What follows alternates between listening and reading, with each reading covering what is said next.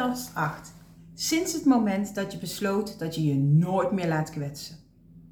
Stel je voor, je hoort de autodeur dichtklappen, de motor start en de auto rijdt weg.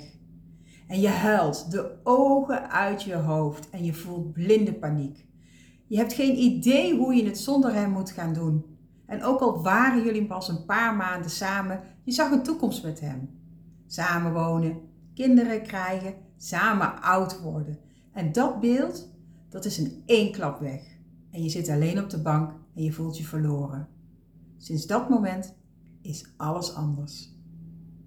Mijn naam is Daphne Beurskens en ik ben van Bureau Boeg. En bij Bureau Boeg help ik mensen die na een impactvolle situatie de grip op hun leven kwijt zijn geraakt. Ik help ze om die ene situatie te verwerken, maar ook alle andere situaties die ze in hun leven hebben meegemaakt waarin dat gevoel ook al heeft gespeeld. Mijn cliënten omschrijven mij als iemand waar je alles tegen kan vertellen. En dat doen ze vaak ook, terwijl dat helemaal niet hoeft. Want de technieken die ik gebruik in mijn praktijk, daar hoef je helemaal niet bij te praten.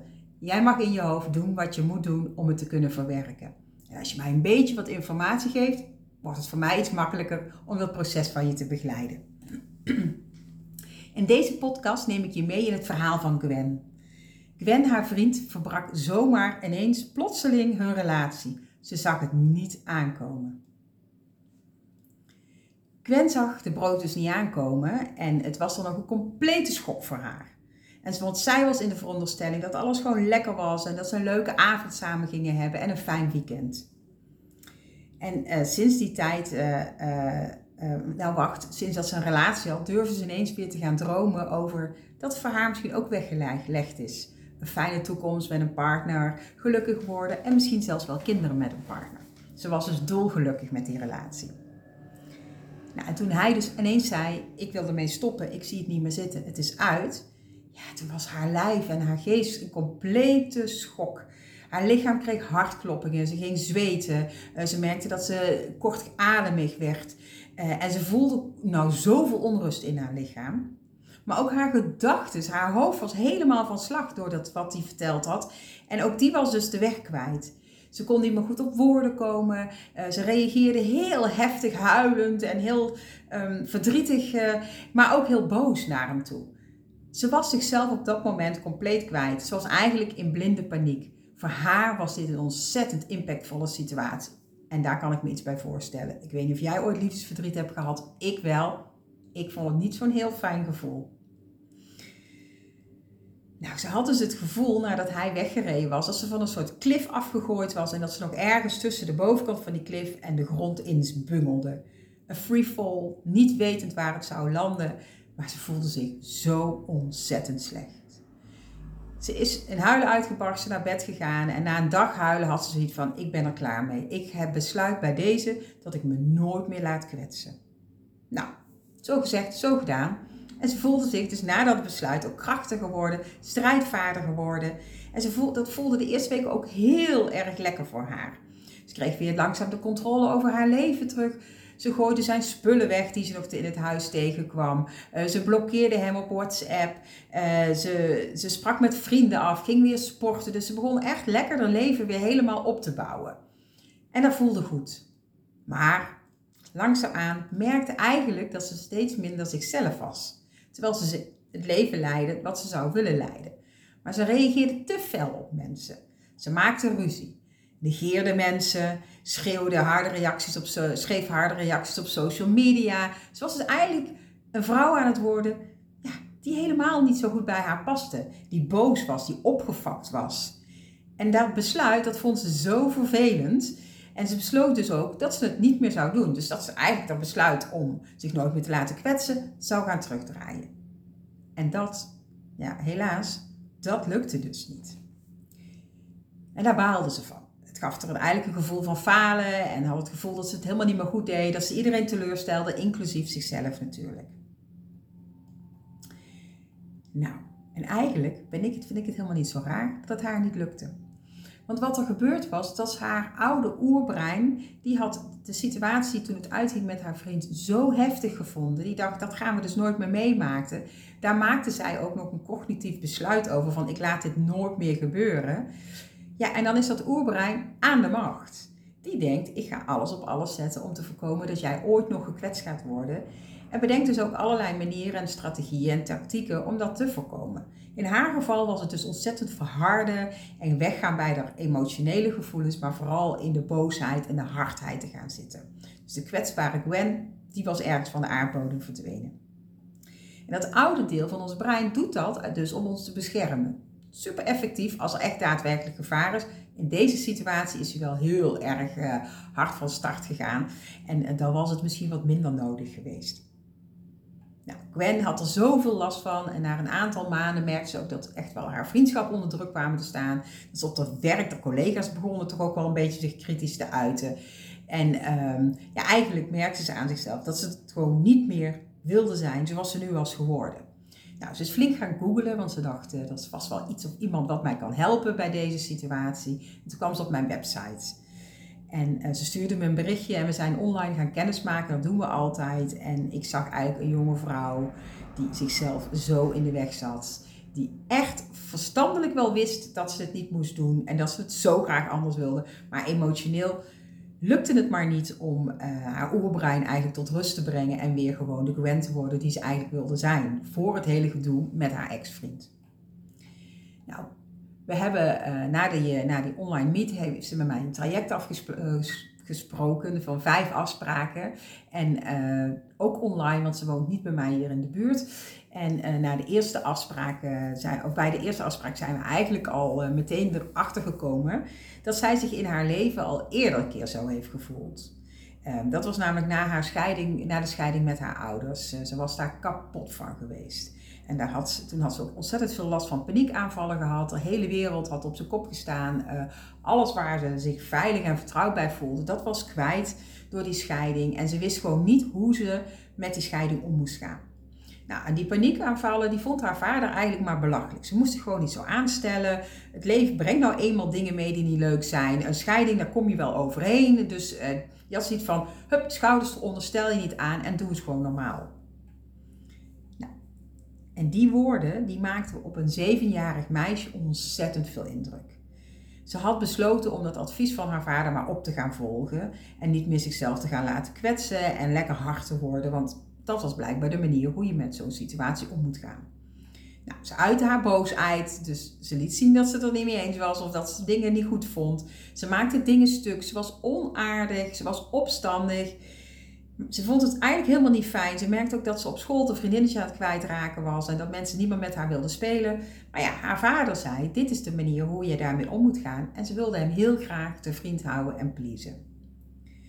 Maar die vader, die haar eigenlijk de opdracht had gegeven om zich zo, zo stevig en krachtig op te stellen en vooral zich niet uh, te laten niet te coördineren met haar, ja, die had zoiets van: Ja, maar wat jij aan het doen bent, kan helemaal niet. Dus die keurde haar gedrag af. En zij voelde zich ontzettend verward en onzeker. Ze was zich gaan aanpassen uh, uh, aan haar vader, maar dat was blijkbaar niet goed genoeg. Op dat moment heeft ze zich bij iedereen en alles maar gaan aanpassen. Dus bij haar moeder gedroeg ze zich op een bepaalde manier, bij haar vader gedroeg ze zich op een bepaalde manier, bij haar vrienden op school. En eigenlijk probeerde ze altijd zich aan te passen waar, uh, aan de manier waarop men, zij dacht dat mensen wilden dat zij zich zou gedragen.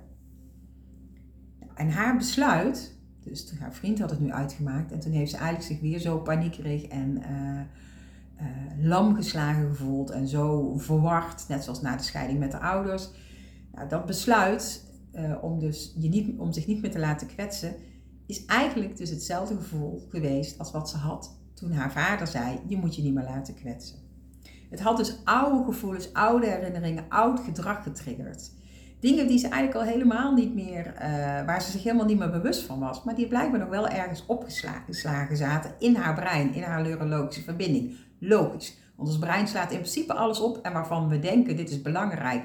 Uh, omdat het leuk was, of vooral vaak omdat het niet leuk was, of uh, dat je denkt, dit, ja, dit wil ik nooit meer meemaken. Die neurologische verbindingen zijn super aanwezig in ons hoofd. En een van die neurologische verbindingen was dus geactiveerd door haar besluit, naar aanleiding van haar, het uitmaken van een vriend, om zich niet meer te laten kwetsen.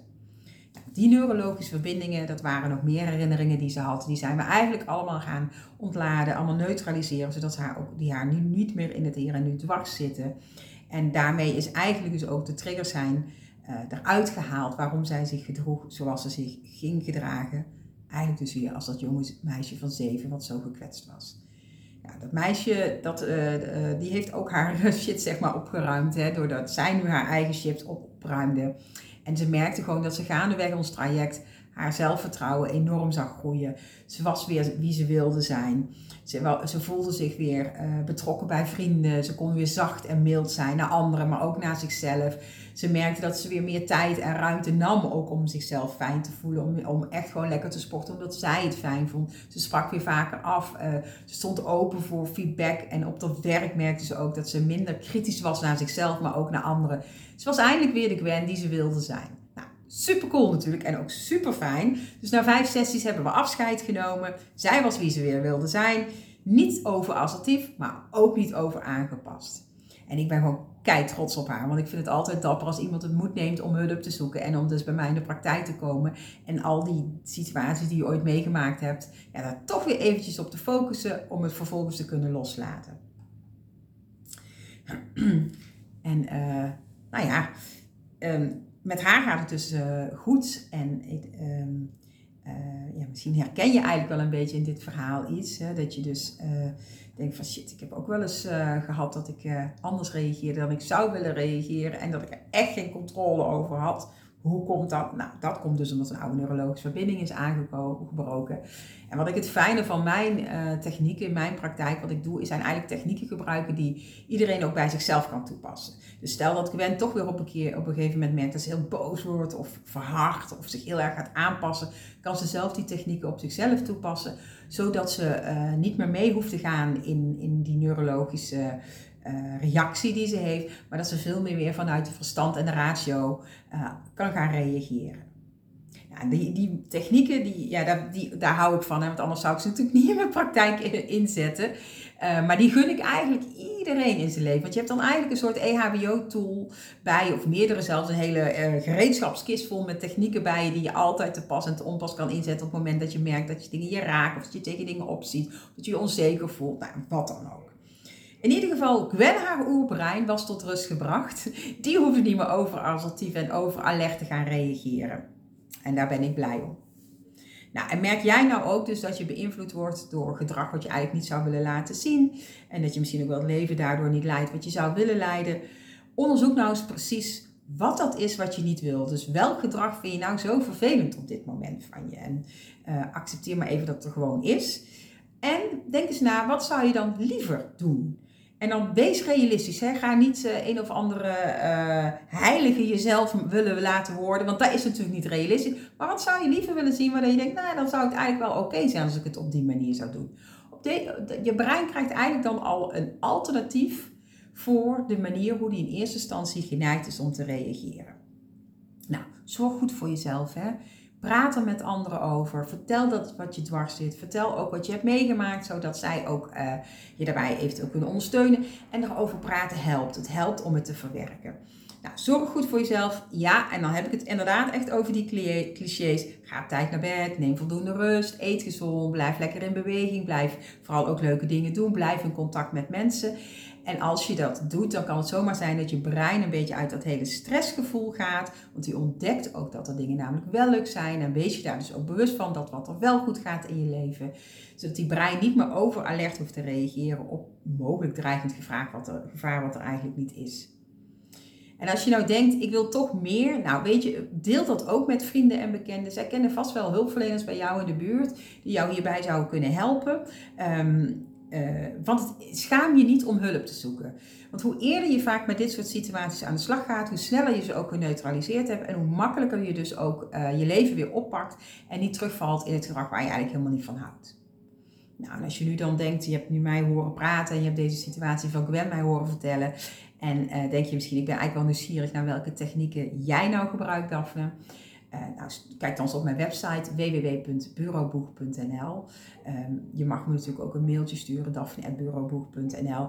En als je echt denkt, ik wil gewoon wel eens even met jou praten over wat ik heb meegemaakt. En om te kijken of die, wat die technieken nou precies zijn, of ze ook iets voor jou zouden kunnen zijn.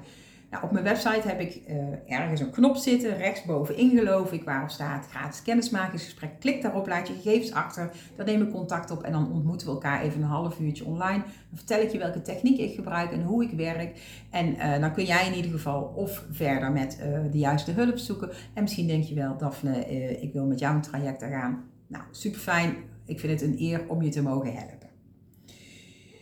Ja, en um, het is nog wel een goede disclaimer die ik even moet geven. Um, dit verhaal van Gwen, ja, ik heb daar de feiten wel iets van verdraaid. Want ik wil in het kader van haar privacy, wil ik natuurlijk niet dat het een heel herkenbaar verhaal wordt. Maar een van, de, een van de verhalen die ik dus in mijn praktijk heb gehad, is dit. Vergelijkbaar met dit. En zo heb ik nog veel meer verhalen. Luister naar de andere aflevering van mijn, van mijn podcast. Daar vind je andere verhalen, andere voorbeelden. En er gaan er nog veel meer komen. Voel je vrij om contact op te nemen. Ik denk graag met je mee. Um, ik help je graag. En ook al ga je met mij geen traject aan, no worries, geen probleem, helemaal goed. Maar misschien kan ik je wel net op het juiste spoor zetten, zodat het met jou ook weer helemaal beter gaat. Ik wens je nog een mooie dag toe en tot de volgende keer.